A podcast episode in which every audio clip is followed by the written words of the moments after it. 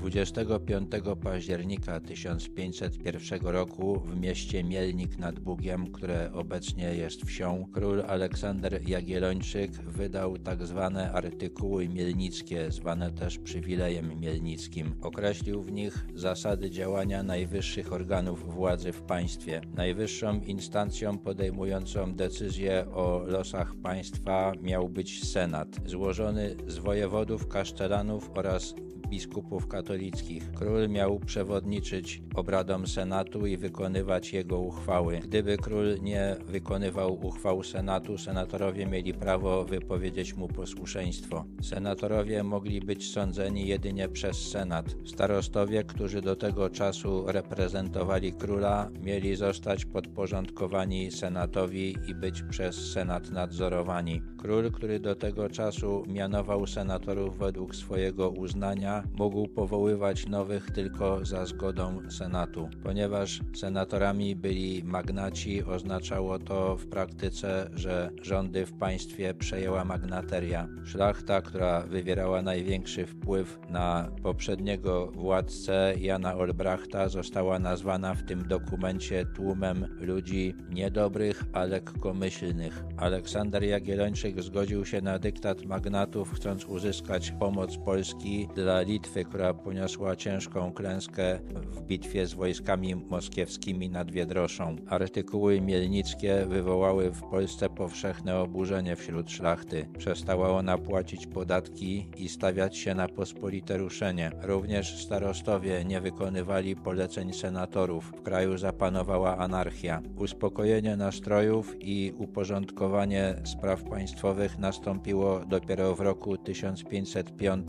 w wyniku uchwalenia w Radomiu Konstytucji Nihilnowi, która anulowała artykuły mielnickie i ustanowiła zasadę, że żadne nowe prawo nie może być wprowadzone przez króla bez zgody szlachty, reprezentowanej przez Sejm.